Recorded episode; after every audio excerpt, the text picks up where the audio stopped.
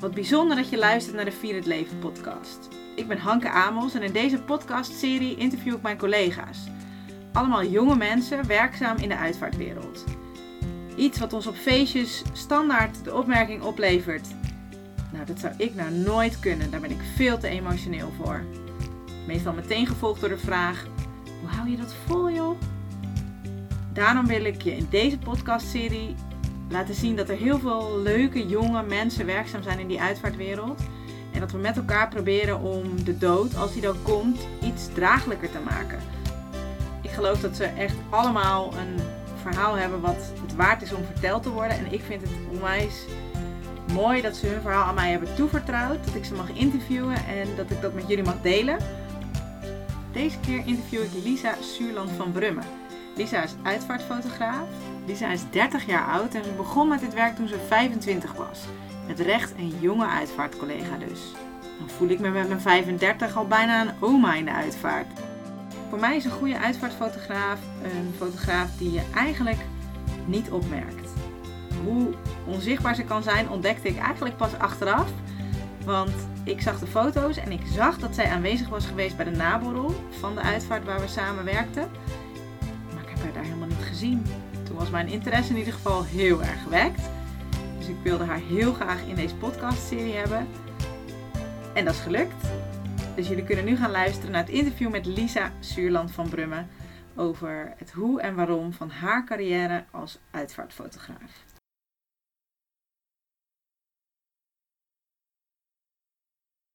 Goedemorgen. Goedemorgen. Leuk dat je er bent, Lisa. Ja, dankjewel. Eh, jij bent uitvaartfotograaf. Ja. Ehm, een bijzonder beroep, helemaal omdat je eh, nog zo jong bent. Ja. Wil jij eh, eens kort vertellen waarom je uitvaartfotograaf bent? Ja, ik, ik eh, heb echt een fotografieopleiding gedaan. En eh, die heb ik afgerond in 2009 of zo. En toen ben ik eh, best wel het ernaast gaan doen, naast gewoon bijbaantjes. En ik vond het wel leuk, maar ik voelde niet echt de passie of zo. Die had ik, met me, had ik eigenlijk heel mijn opleiding ook niet echt. Ik vond het altijd allemaal moeilijk en zwaar en onzeker en dat soort dingen. Ik denk dat heel veel fotografen daar last van hebben. En ehm, toen deed ik dus wel eens een bruiloft en eh familieshoots en dat soort dingen. Maar met een bruiloft liep ik bijvoorbeeld echt heel de dag met buikpijn van de stress en de zenuwen. En eh, alleen met mijn eindexamen, wat studiowerk was, heb ik echt een soort van dat gevoel gehad van dit is het of zo. Dat, dat was ook echt het werk van mijn leven voor mijn gevoel. En toen op een gegeven moment, eh, maar dat kreeg ik niet echt terug. Want dat is moeilijk, studiowerk vind ik best wel moeilijk om daar echt je baan zeg maar, van te maken. Ehm, toen heeft mijn vader voor mijn tante, die heel plotseling overleed, de uitvaart vastgelegd.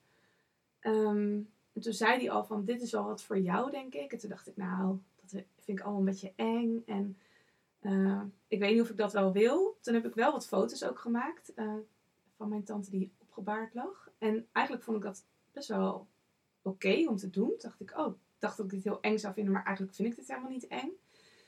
Ehm, en toen uiteindelijk eh, overleed ook een kennis van mijn ouders. En toen zei mijn vader, ga jij deze uitvaart fotograferen? En toen, toen dacht ik nog van, nou ja, ik weet niet hoor. Het is inderdaad, het is een soort van heftige branche. En eh, moet ik dat wel willen? En dat is toch eng en verdrietig. En, eh, maar ben het wel gaan doen. En eigenlijk tijdens die uitvaart ja, voelde ik me zo goed of zo. Dat ik dacht van, dit, dit vind ik gewoon helemaal geweldig om te doen. En de manier van werken. En ja, toen, toen voelde ik van, nou, dit is het of zo.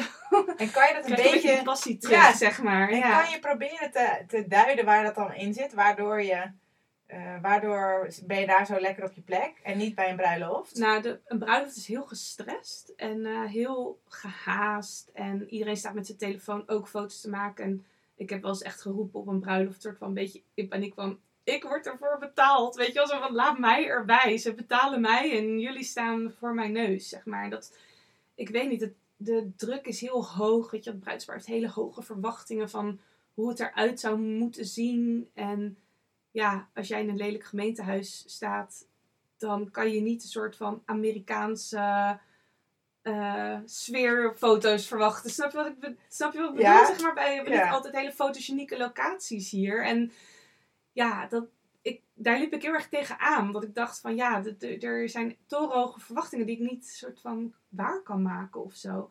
En met de uitvaart zijn ten eerste die verwachtingen vaker al helemaal niet op die manier van de familie. Die, die weten eigenlijk niet eens wat ze moeten verwachten. Dus dat voelt voor mij al veel minder eh, gestrest. Er voelt al veel minder druk, ligt er al op mij. Iedereen zegt ook, ja, doe maar gewoon. eh, ik wil graag wat foto's van als we de kerk binnenkomen lopen met de kist. Denk ik, ja, logisch. Weet je wel, dat, ja, uiteraard krijg je die foto's. Snap je? Dus voor mij is het heel vaak dat ik denk, oké, nou, ik kan gewoon helemaal mijn eigen ding gaan doen. En, en dan zijn mensen ook vaak heel erg, ja, die, het valt dat alleen maar mee of zo. Of ze zijn juist alleen maar heel blij eh, van, oh, dat heb ik helemaal niet gezien. En dat was dat er ook. En wat mooi dat je dit hebt. Of, dus ja, dat is voor mij al zoveel leuker om te doen. En gewoon, ja, de dag zelf gaat natuurlijk veel trager dan, dan een bruiloft bijvoorbeeld. Ja, maar, ja, is dat zo? Nou ja, kijk, het, bijvoorbeeld het uitdragen van de kist. Ja, niemand rent die kist naar buiten. Weet je, dat gaat heel allemaal op een veel rustiger... Alles gaat veel rustiger en veel... ehm, ja, alles staat in een veel minder snelle stand. En dat is voor mij gewoon veel lekkerder werken. Ik heb altijd tijd om vooruit te lopen. Of om... De stressmomenten zijn voor mij om ergens waar we wegrijden dat te fotograferen. En de aankomst. Ehm, maar ja, ook daar, weet je, dan rijd ik er gewoon mijn auto. En een rouwauto rijdt niet snel. Dus ik kan er altijd Ik- nog wel voor, weet je wel. Dus ik heb veel meer tijd om, om te doen wat ik wil doen of zo. Zonder dat ik me daar heel, dat ik daar helemaal een honderd bochten moet wringen om daar te komen, zeg maar. Mensen zijn er misschien ook minder ehm, zo erg mee bezig. Of in ieder geval, Ja, die meer. laten zich waarschijnlijk meer fotograferen dan tijdens een, een, een bruiloft. Waarbij je, nou ja, op een andere manier daar, dan heb je al in je hoofd wat voor plaatjes het moeten zijn. En Ja. bij een uitvaart heb- hebben mensen dat Nee. helemaal niet. En, en bij een bruiloft, weet je, iedereen wil er op zijn allerbest op staan. Want je ziet er allemaal op je allermooist uit. En ehm, ja, ik- ik zeg wel eens, kijk, de bruid voelt zich soms de Duitse kroes in de trouwjurk. Maar ze is niet Duitse kroes, zeg maar. Dus ik kan haar ook niet zo fotograferen. En dat, ik heb het idee dat dat voor sommige mensen dan soms een soort van een beetje tegenvalt. Terwijl ik denk, ja, maar dit is wel gewoon wie jullie zijn. Weet je, daar kan ik ook niet meer van maken of zo. Nee, nee, nee. Maar misschien ben ik daar ook gewoon niet goed in hoor. Dat zou kunnen. Maar met een uitvaart is dat natuurlijk helemaal niet aan de orde. Weet je, niemand staat daar om te denken: ik moet er op mijn best uitzien. Nee, het gaat gewoon om het vastleggen hoe het was. Ja. En ja, een uitvaart is gewoon knetterverdrietig. En iedereen is heel verdrietig. En ja, dat mag ook of zo. Ja. Dus dan is die verwachting is al heel anders, denk ik. Ik weet dat er fotografen zijn die eh, eh, geen huwelijken meer willen doen om deze reden inderdaad. Ja, ik Omdat wil ook het- eigenlijk geen huwelijk. Als omdat ik een zo- aanvraag krijg, zou ik hem altijd doorgeven aan een Ja, ander. Omdat ja. het inderdaad gewoon een andere nou ja, energie misschien ook wel Ja, is. zeker. Ja. En Ja. ik vind dus een uitvaart is voor mij een fijnere energie, ondanks dat het dus wel Ja. verdrietig is en ja, ook wel eens moeilijk. Toch voel ik me daar veel meer thuis. Ja, dit zal een van de meest gestelde vragen of de meest gehoorde opmerkingen zijn. Ehm, helemaal ook omdat je gewoon nog wel jong bent. Eh, het zal wel zwaar zijn. En hoe hou je dat vol? Ja. Hoe gaat dat voor jou? Ehm, ik, denk dat, ik denk dat de uitvaartwereld, om maar even de uitvaartwereld, hè, de, de zakelijke kant van de dood, zeg maar, waar ik dan natuurlijk in zit, dat dat echt iets is wat je, daar heb je gewoon affectie mee of niet. Dat, dat, dat is denk ik wel een beetje een vereiste misschien ook voor als je erin gaat werken. Ehm, ik werkte laatst met iemand samen en die zei bijvoorbeeld, eh, die werkte dan meer op kantoor en moesten foto's ergens van gemaakt worden. En eh, weet ik veel, toen moesten we dan een kist ergens neerzetten. En die zei een beetje van, nou, nou, stond daar een beetje zo van, nou, is dit het nou? En toen zei ik van, oh, dat vind ik zo mooi, zo'n kist, of weet ik het. Of ik zei, oh ja, maar normaal hebben we dat niet, of iets. En toen zei hij van, ja, jij bent ook helemaal zo, je houdt er echt van, of zo. En toen zei ik, ja, dat, eh, ja, als ik een rouwauto zie rijden, dan krijg ik een soort van, even schokje of zo. En toen zei hij van, dat hij dus iemand had gehoord die ook jong is, ook in de branche werkt. En dat hij dat ook heel erg had. En hij begreep dat echt totaal niet, bijvoorbeeld. En toen dacht ik, ja, dat is denk ik al... Ja, dat heb je of dat heb je niet. Ik denk als je het niet hebt, dat je het ook niet echt snel zal krijgen, denk ik. Dus dat is al iets waardoor het al makkelijker is. Omdat je, ja, net als dat een arts het leuk vindt om in mensen te snijden, vind ik het al leuk om op een uitvaart te zijn. Maar dat klinkt natuurlijk echt heel raar. Maar dat zo ja, zo is het wel een beetje voor mij. Ehm, en ik vond het eerst, eh, de eerste keer vond ik het eh, wel moeilijk. Dat was natuurlijk ook bij bekenden. Toen heb ik ook bijvoorbeeld gewoon echt staan huilen achter een camera op het graf. Weet je, omdat je dan mensen ziet die je kent die heel verdrietig zijn. Dat vond ik allemaal heel lastig. Ehm, nou, mijn man zit zelf ook in een baan waar, waarbij hij veel heftige dingen meemaakt. En die zei dus op een gegeven moment van... Ja, maar weet je, het is niet jouw verdriet. Je mag het wel erg vinden voor die mensen. Want natuurlijk is het erg als je als je, je partner kwijtraakt. Of je moeder of, of, of je kind. Maar het is... Jij bent die mensen niet, zeg maar. Dus je mag het wel erg vinden. Maar het heeft geen zin om voor hun te huilen. En dat was voor mij een soort... Dat was wel... Dat heeft mij echt de rust gegeven om ja, eigenlijk het gewoon los te kunnen laten. Dat ik denk van, nou, ik vind het wel heel naar voor die mensen. Ik vind het heel verdrietig, maar ik hoef daar geen verdriet over te hebben, want ik kende die persoon ook niet. Of um, kan niet heel het leed van de wereld natuurlijk erg vinden, zeg maar. Um, maar tuurlijk is het wel zwaar. En ik heb ook een keer, uh, we hebben, mijn, een van mijn heftigste uitvaart was bijvoorbeeld van een meisje van 14 ja, dat is zo onnatuurlijk. En dat, dat klopt echt van geen kant, zeg maar. En toen sprak ik ook met de uitvaartondernemer en die zei... Ja, wij, wij blijven dit ook gewoon het allermoeilijkste vinden van ons vak. Weet je, dit, is, dit doet niemand onberoerd. Nou ja, en dat, dat is ook logisch, denk ik. En dat, hoe, hoe, hoe ga je daar dan uiteindelijk mee om? Of hoe kom je daarvan thuis? Nou, soms, ja, soms schiet ik ook wel vol of zo. Of bij die uitvaart moest ik ook wel echt wel flink slikken.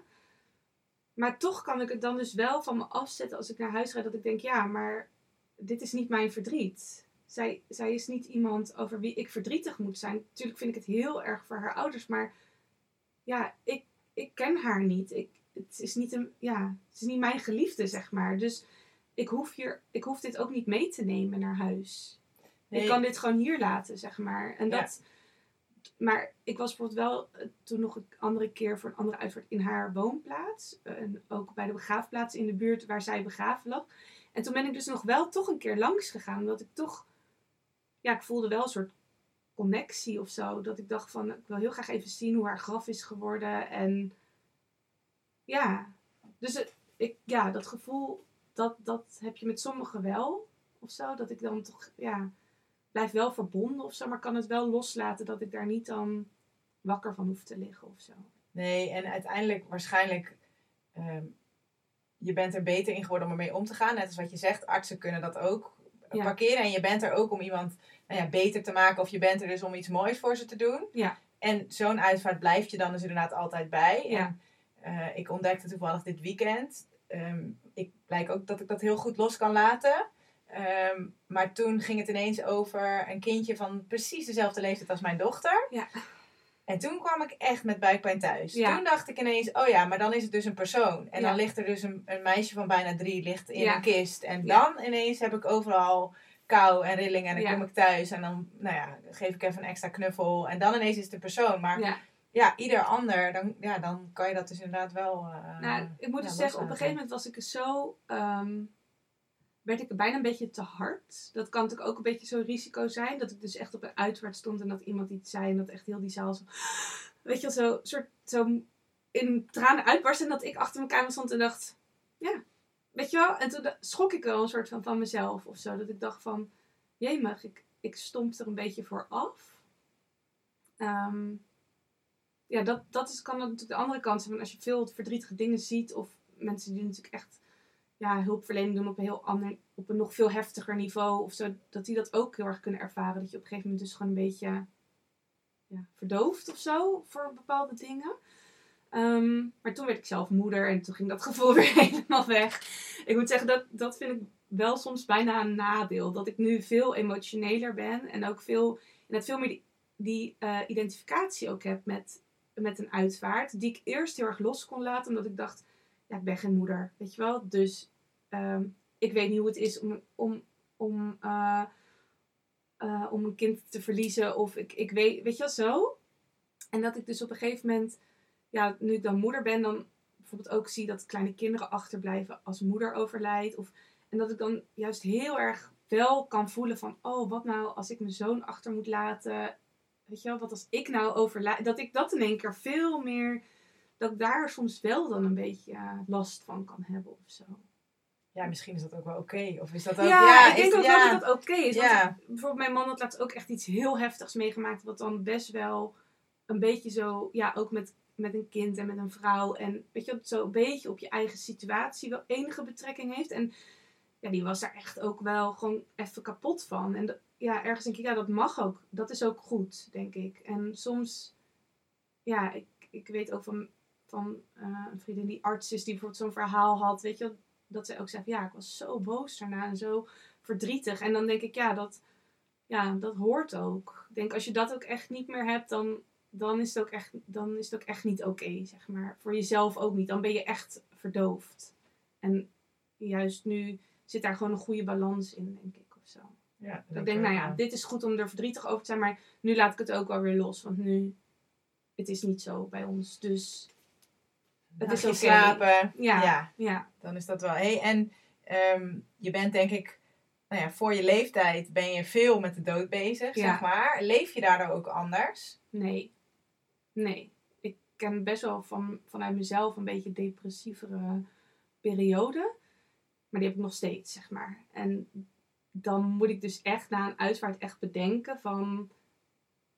Ja, hoeveel geluk heb ik dat ik dat allemaal nog niet heb meegemaakt. Of dat ik mijn ouders allebei nog heb. En mijn schoonouders allebei nog heb. En ehm, de ergste die zijn overleden zijn opa's en oma's bijvoorbeeld. Weet je wel? Zo dat je een soort van ja, dus ik, ik besef mezelf wel, maar ik merk dat je toch, ja, het is echt mijn werk. En daardoor staat het toch los van wie, van mijn persoonlijke leven, zeg maar. En ook wel van mijn eh, persoonlijke emoties of zo. Omdat ik dan toch, ja, als ik dan dus wel ergens van baal, dan moet ik echt zo bedenken van, jeetje, die mensen hebben net eh, hun vader staan te begraven en ik zit te zeuren over, eh, weet je wel?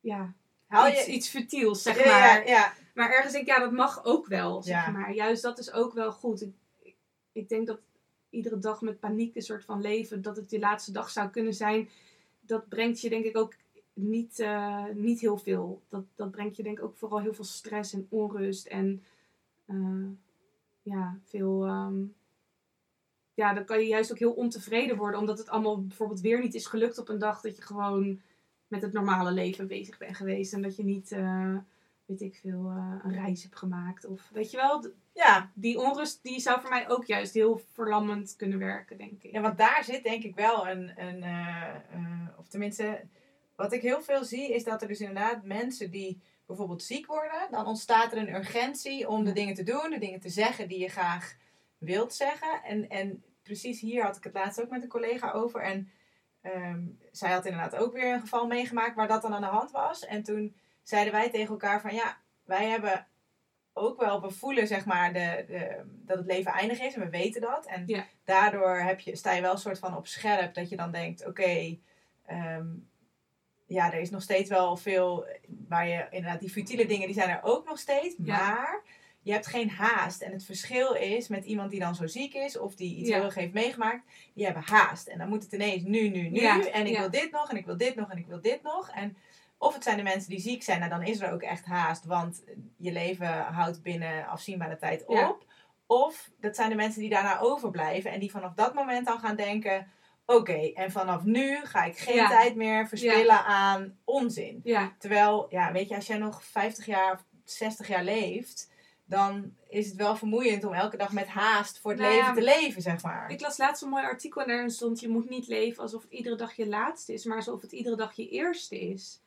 En toen dacht ik, ja, dat is een veel minder stressvolle gedachte natuurlijk. Je kan dingen ontdekken en ehm, je moet de mooie dingen van het leven inzien. Maar daar hoort ook wel gewoon bij dat je dus dingen, dat dingen gewoon gebeuren en dat dat dus goed is. En ja, ook gewoon het normale leven gebeurt gewoon. En niet die, inderdaad, je moet alles eruit halen wat erin zit. En een hè, dag niet gelachen is een dag niet geleefd en zo. Weet je, dan denk ik, ja, tuurlijk. Maar soms kan je een dag even niet lachen. Maar dat is ook oké. Weet je wel, dat, daar moet je dan niet...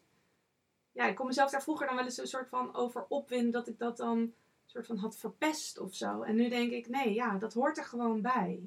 Ja. Dus ik, ik denk ook juist dat het... Het is goed om te beseffen dat hoe goed je het hebt en dat je gezond bent en dat het heel, dat het heel belangrijk is. Ik heb bijvoorbeeld wel meer dat ik nu ehm, van, van nature ben ik misschien een beetje materialistisch. Mijn man is dat totaal niet. En dat is juist heel fijn, want daardoor word ik dat ook steeds minder.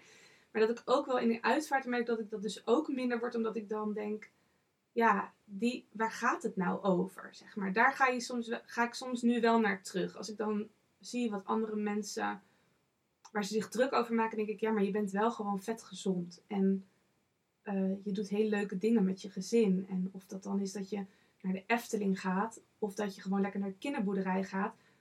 Dat kind onthoudt gewoon dat jij er was en dat je iets leuks met hem ging doen. En wat dat dan precies is, dat is dan eigenlijk om het even. En dat is belangrijk. En niet dat je dan allerlei dingen moet hebben of moet kopen of moet. Daar, niemand gaat dat straks op jouw uitvaart zeggen van, oh, uh, we gingen altijd op zulke luxe vakanties. Weet je, denk ik, als dat hetgeen is wat ze dan over je zeggen, ja, ben je daar dan echt oprecht blij mee?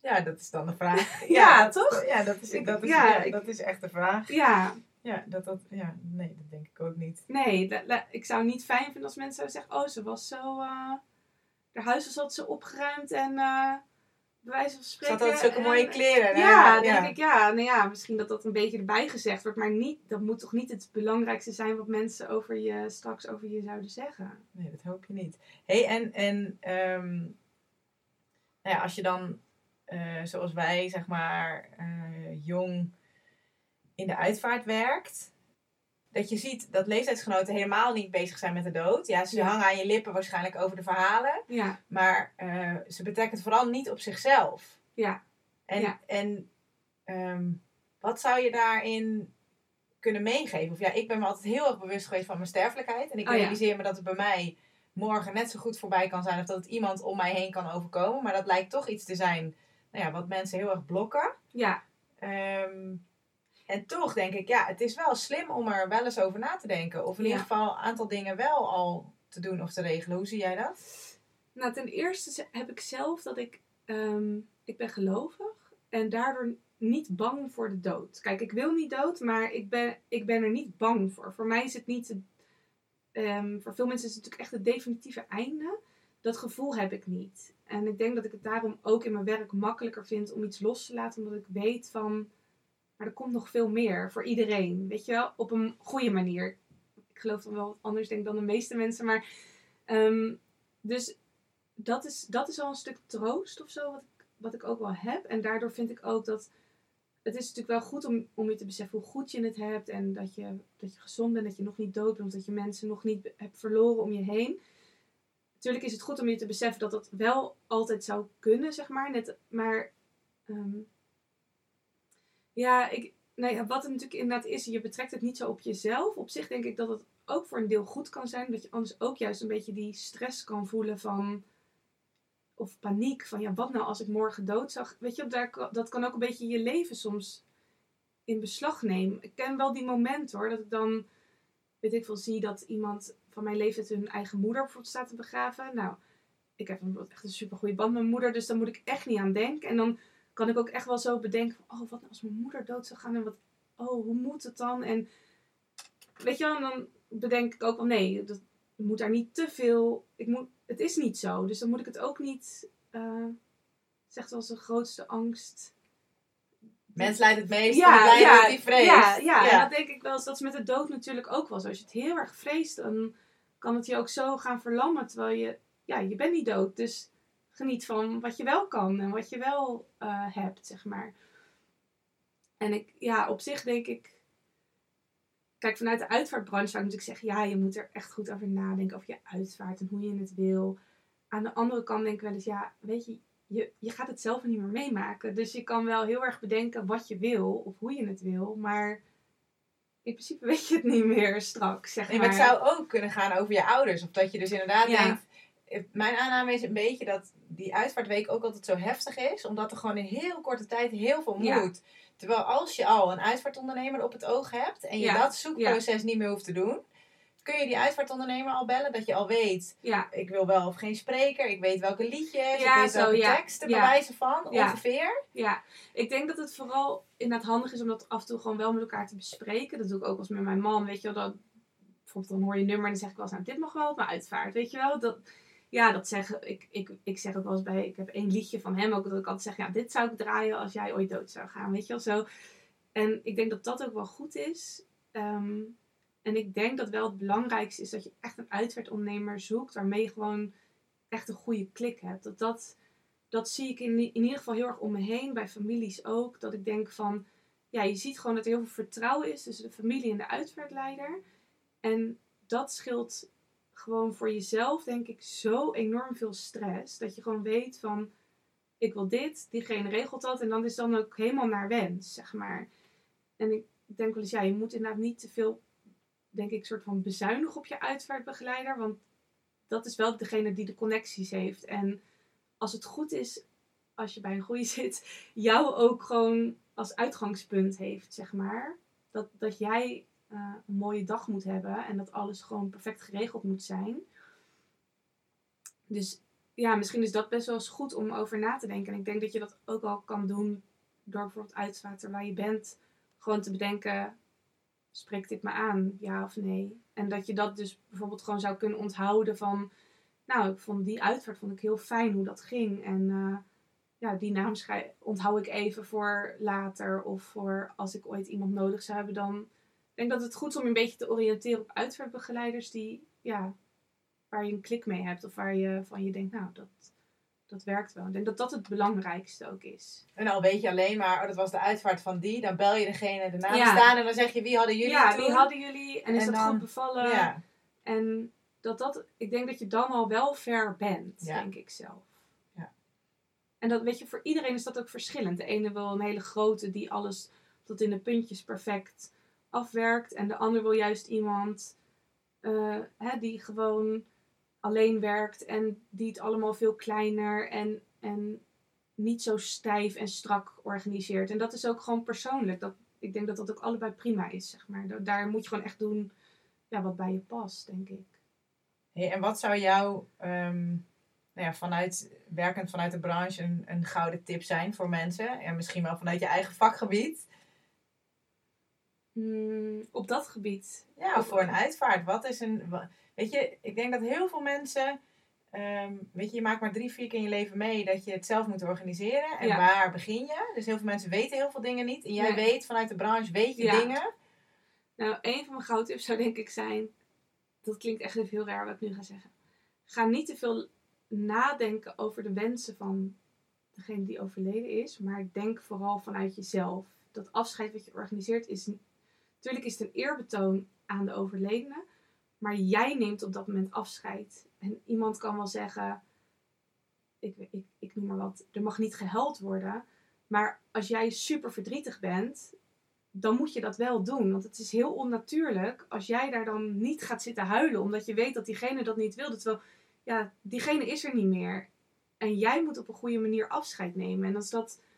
Dus ik, ik denk dat dat zou wel een beetje mijn gouden tip zijn. Van laat dat een beetje los. En doe vooral wat jij heel graag wil daarin. Omdat jij moet verder.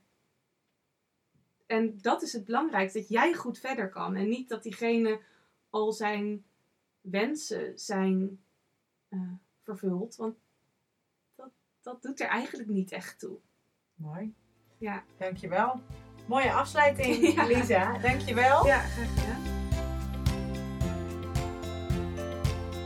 Dit was het alweer, mijn interview met Lisa Suurland, de 30-jarige uitvaartfotografe.